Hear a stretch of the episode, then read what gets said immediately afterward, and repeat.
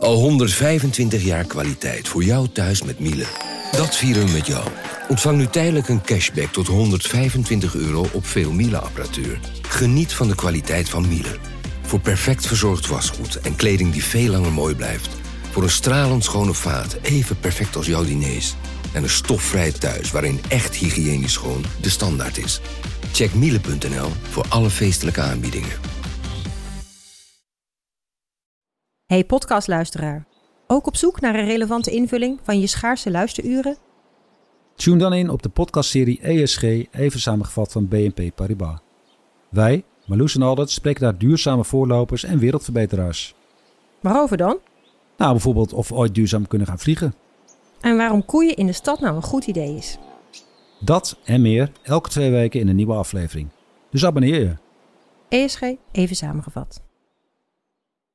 So please first tell me who you are and, and, and how old you are, the children you have, your, so your name and things like that. Okay, well, my name is Maria Gonzalez. I'm a 40 year old lady with six kids, three grandkids.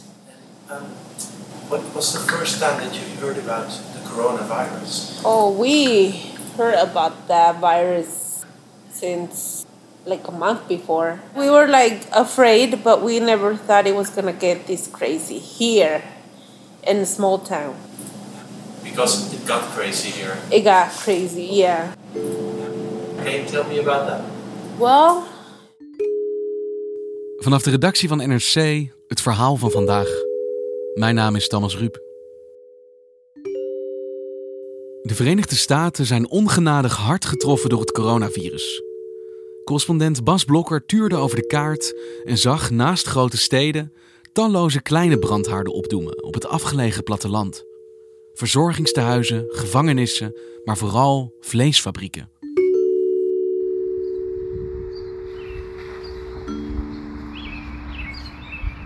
Ik was met een fotograaf op stap voor NRC. En wij keken in een spookachtig gelegen Main Street in Columbus Junction in Iowa. En daar was eh, één Mexicaans restaurantje. En daar zaten een eh, wat jongere vrouw en een wat oudere vrouw, die haar moeder bleek te zijn. Die zaten een beetje mismoedig aan een tafel samen. nobody's coming. Yeah, we had a few orders, but that's about it. En de jongste vrouw werkt in het eh, Mexicaanse restaurantje, een taqueria, dat van haar moeder is. I'm trying to be her support, help her out, and be with her. Omdat haar vader in de intensive care ligt, die heeft het coronavirus zwaar. It's been already three and a half weeks since he's there, almost a month. En de hele familie González is besmet geraakt. Haar man is als eerste ziek geworden, toen is Maria ziek geworden. Toen zijn alle vijf hun kinderen die nog thuis wonen ziek geworden. En eh, haar vader en moeder zijn ziek geworden en haar schoonouders zijn ziek geworden. Iedereen in haar omgeving dus eigenlijk. Ja, ja. En ze zijn er allemaal bovenop gekomen alweer, behalve haar vader. And so we don't know what's gonna happen with him. I mean, we're just waiting and hoping for the best. En wat deed jij daar, Bas? Hoe kwam jij terecht bij haar in Columbus Junction? Ja, om te schrijven over eh, een van de wonderlijke manifestaties in deze epidemie. Across the US, meatpacking plants have been hit by the spread of the coronavirus. Namelijk dat eigenlijk elk plaatsje met een grote vleesverwerkende fabriek in de Verenigde Staten een eh, zeer hoge concentratie van coronagevallen heeft. So, on a national scale, you had 20 workers that had died of COVID 19 and nearly 4,200 meatpackers at 115 processing. En Columbus Junction is een dorpje van zo'n 1800 inwoners. En daar staat zo'n vleesfabriek. Dat is van Tyson Foods, een vleesgigant. En daar zijn 270 mensen van besmet. Dat is een van de zwaarste concentraties corona in de Verenigde Staten. Dus iets in hoe die vleesfabrieken werken zijn een soort idylle voor dit virus gebleken. Ja, die vleesfabrieken, daar werken mensen aan de lopende band. Ze staan schouder aan schouder vlees te snijden. En ze waren gewoon niet goed beschermd. Er waren ook plekken met veel grotere uitbraken nog. nog geen 200 kilometer ten noorden is een plaatsje Waterloo. Daar zijn 444 mensen uit dezelfde fabriek besmet geraakt. En alles bij elkaar is de besmettingsgraad, hè, dus gemiddeld aantal mensen dat besmet raakt, onder werknemers in die vleesfabrieken 18% In heel Amerika is dat 0,3 Ja, dus één op de vijf werknemers in vleesfabrieken in Amerika is op dit moment besmet geraakt met corona. Ja. En jij hebt je vinger op de kaart gelegd en gezegd: Ik ga naar Columbus Junction om te kijken wat daar gebeurd is. Ja. En wat tref je dan aan als je daar komt? Wat is dat voor een plek? Ja, het, is echt een. eh, ja, weet je. eh, Lucky Luck had er zomaar kunnen binnenrijden. Je komt in een Main Street eh, en je kruist de Oak Street, de Elm Street, de Walnut Street. Er is een, een postkantoor, er is een gemeentehuis. En ik ben natuurlijk ook naar de fabriek zelf gereden. Eh, ik mocht er niet in. Ik heb me geprobeerd aan te melden, maar daar geen reactie op gekregen. En ik werd niet binnengelaten. Maar het hele dorp draait om vlees. Iedereen bij het tankstation, als je mensen aanspreekt, eh, die werken daar, hun familie werkt daar, eh, hun buurman werkt daar. Er is, er is niemand die niet een connectie heeft met die fabriek. Ik sprak een vrouw en die vertelde dat haar man na zes jaar lang heeft gewerkt. Als hij zijn vuist balt, krijgt hij zijn hand niet meer helemaal open. Zo stijf zijn zijn vingers van steeds dezelfde beweging met het mes maken in hetzelfde stuk vlees. Hoe hij s'avonds thuis kwam, helemaal kromlopend van de spierpijn en tot onder zijn vingernagels naar, naar oud bloed ruikend. Dus niet alleen het dorp, maar zelfs je lichaam vormt zich naar die vleesfabriek daar. Ja, ja. En hoe heeft het coronavirus daar zijn intrede gedaan? Ja, ik vroeg dat aan, aan Maria González in de taqueria. Well, everything started with my husband got in an accident at work. Op een dag had haar man een ongeluk gekregen in de fabriek. Hij had, typisch fabrieksongeluk, twee vingertopjes afgesneden. In Tyson. He works at Tyson. Dus hij moest naar het ziekenhuis, hij kreeg pijnstillers, kreeg tetanusachtige injecties. And then two days later, he started feeling the symptoms. Een tijdje later kreeg hij opeens de koude rillingen. En zij kreeg even later hoofdpijn. It was a headache. I got a little bit of fever. En ze kreeg van die gekke griepspierpijn die we allemaal wel kennen. Maar het was anders dan griep, zei ze maar It spierpijn. was, it's a different pain. It's not something that I have felt before. En toen belde het bedrijf op voor haar man om te zeggen dat een directe collega van hem eh, positief had getest op het coronavirus. En dat hij daarom naar het ziekenhuis moest om zich te laten testen. Yeah, he came back positive. En werd positief bevonden. En toen zei ze van ja, toen hoefde ik me niet meer te laten testen. Want inmiddels was niet alleen ik ziek, maar ook onze, onze kinderen ziek. Ehm, we wisten allemaal dat we het hadden. For him to be positive, of course I was going to be positive. En hoe reageerde de fabriek eh, op deze besmettingen? Op het feit dat het virus dus actief was in de werkplek? Maria's man werd op, die had zijn ongelukje op 29 maart. En eh, in de week daarna werd, werd de hele familie ziek. En het heeft vanaf dat moment nog twee weken geduurd, tot 15 april. Voordat Tyson Foods directie besloot de fabriek te sluiten. En vergis je niet, tegen die tijd waren er 150 van hun medewerkers besmet geraakt. Ze zagen mensen ziek worden, maar de reactie was niet dicht doen, was in eerste instantie gewoon doorwerken. Ja, ja, ja, het is een 19e eeuw systeem, Thomas. Het is, ehm, als je niet werkt, krijg je geen eten. Dus ze hebben zo lang mogelijk doorgewerkt. En dit is iets wat je in heel Amerika ziet. Niet alleen bij Tyson Foods, ook bij Smithfield Foods. Ze proberen zo lang mogelijk open te blijven. En op een gegeven moment kon het niet meer. En eh, hier is ook geen vakbond of zo die kon protesteren. Maar de druk op de gemeenschap werd natuurlijk ook groot. En dus de druk vanuit de gemeenschap op de fabriek. Van jongens, doe iets.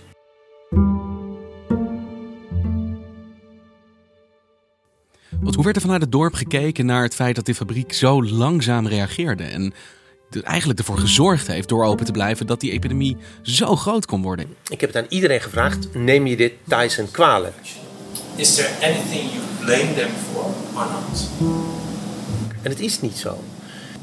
Not really. I mean, I think. Daar zie je de prachtige onderlinge afhankelijkheid, de wisselwerking tussen fabriek en het I dorp. mean, what can I say? You know, it probably came from there, but somebody took it in there. See what I mean? Dit dorp is die fabriek. De fabriek is dit dorp. Als het ze hen kwalijk nemen, dan nemen ze zichzelf kwalijk. Ik vond het ook fascinerend om te horen dat Maria González zei dat haar vader en moeder het waarschijnlijk niet van haar had gekregen, maar van iemand anders. Yeah, I think it was somebody from the outside that brought it in. Alsof ze wilde dat er nog meer besmettingshaarden zouden zijn dan alleen maar die fabriek. Uh, but it's only them too. I mean, they don't work at Tyson. Tyson is meer dan alleen een werkgever in dit dorp. Er staat hier bijvoorbeeld een klein pleintje met twee bankjes waar mensen kunnen zitten. Dat is een bankje waarin gestanst is Tyson. Als in de zomer de, de schoolkinderen naar een zomerkamp gaan, dan betaalt Tyson het busvervoer. Ze stellen zich op als de weldoener van het dorp. En het werkt, want iedereen die ik sprak zei: nee, Tyson is perfect. En wat betekende dat voor het dorp dat deze fabriek uiteindelijk toch besloten de deuren te sluiten en ook dus die levensader voor eventjes werd afgesloten? Ja, dat moet ik Tyson nageven. Zij zijn een van de, van de weinige werkgevers die zelf hun personeel zijn blijven doorbetalen. In elk geval bij deze vestiging. Niet het volle salaris, maar um, voor een 36-urige werkweek. Ik, ik begreep dat de meeste mensen 50 uur per week werken. Dus ze hadden een, um, een reductie op hun loon van zo'n 20%. Aanzienlijk, maar daar, daar kon je dus je gewone rekeningen, lopende rekeningen mee betalen. Thousands of meatpacking workers across the nation have tested positive for COVID 19. That is having an impact on local supermarkets now. Um, wat me opviel, naarmate meer van die vleesfabrieken zijn dichtgegaan, dat is dat de, de gaten gewoon in de vleesschappen in de supermarkt vallen.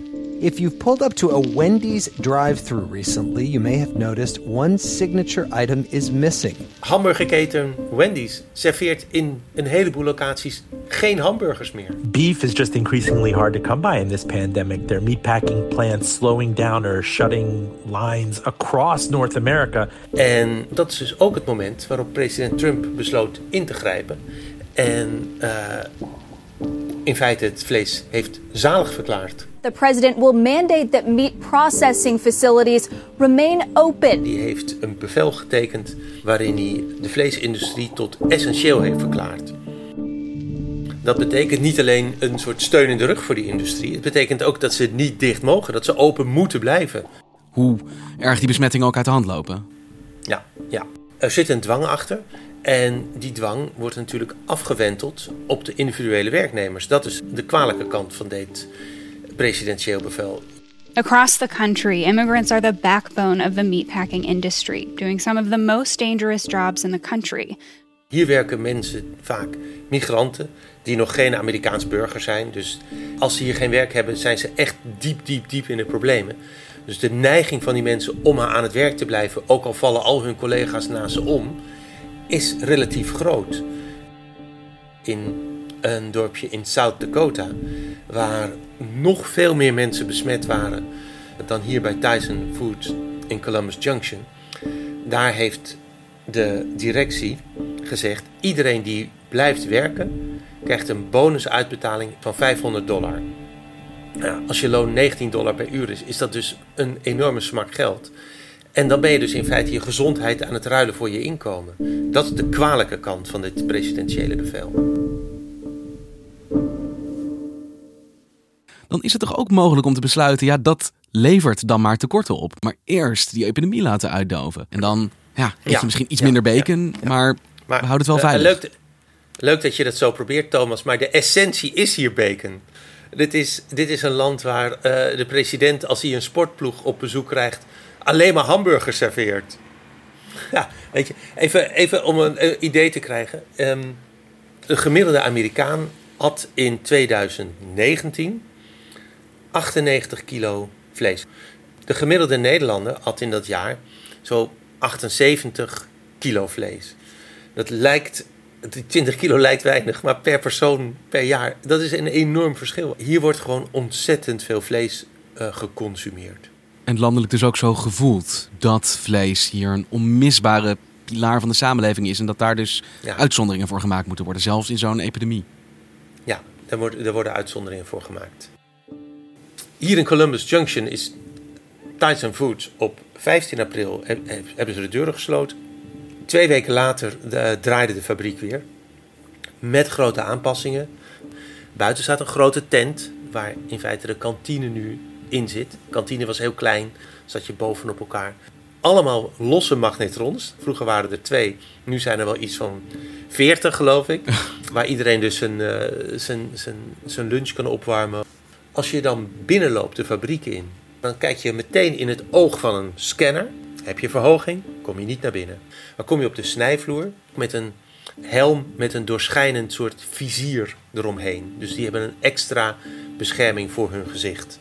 En aan de lopende band staat iedereen te snijden in een door plastic gordijnen omgeven ja, eigen hokje. In feite. Dus iedereen is, werkt van elkaar afgescheiden met plastic gordijnen. En dat is, daarmee hebben ze dus echt flink wat maatregelen genomen. En hoe kijken ze dan vanuit de familie González bijvoorbeeld naar dit besluit om die fabriek toch open te gooien? Juichend. Het zijn de enige inkomsten van die familie. Dus tuurlijk was de familie hartstikke blij dat het maar twee weken is geweest dat Tyson dicht was. Haar man verdient 25 dollar per uur. Is de enige aanvoer van geld.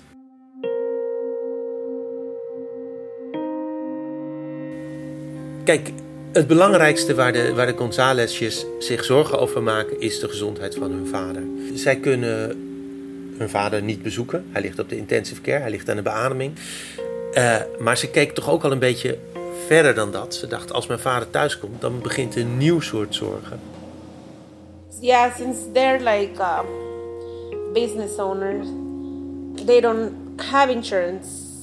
Hij en zijn vrouw zijn zelfstandige ondernemers. Ze vonden de premies voor ziektekostenverzekeringen te hoog. En dat zijn ze ook. Ze zijn hier ook enorm hoog. Hebben ze dus niet. Wat gaat dat ons kosten? Hoe kunnen we dat in hemelsnaam betalen? En ik zei, ja, wat valt daarvan te verwachten? Hij zei, nou, mijn man is dus de enige van onze familie die is getest op het coronavirus. En ik kreeg afgelopen week de rekening binnen uh, van het ziekenhuis. And we got a bill not that long ago for 190 dollars for that test. 190 dollar moet ik betalen. Yeah, that's out of pocket. En die rekening betalen betekent geld. En geld in Columbus Junction betekent vlees. Dus haar man moet weer aan het werk. Ja. Hij is genees van corona. En ik heb begrepen dat de vingertopjes zijn gered. Alleen dat, zijn, dat hij geen nagels meer op heeft. Maar werken kan hij. En werken zal hij.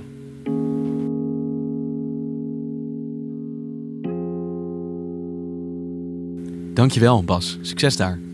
Oké, Thomas, dank je. Tot gauw.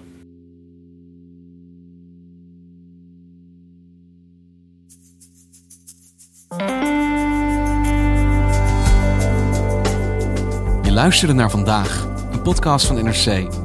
Eén verhaal, elke dag. Dit was vandaag, morgen weer.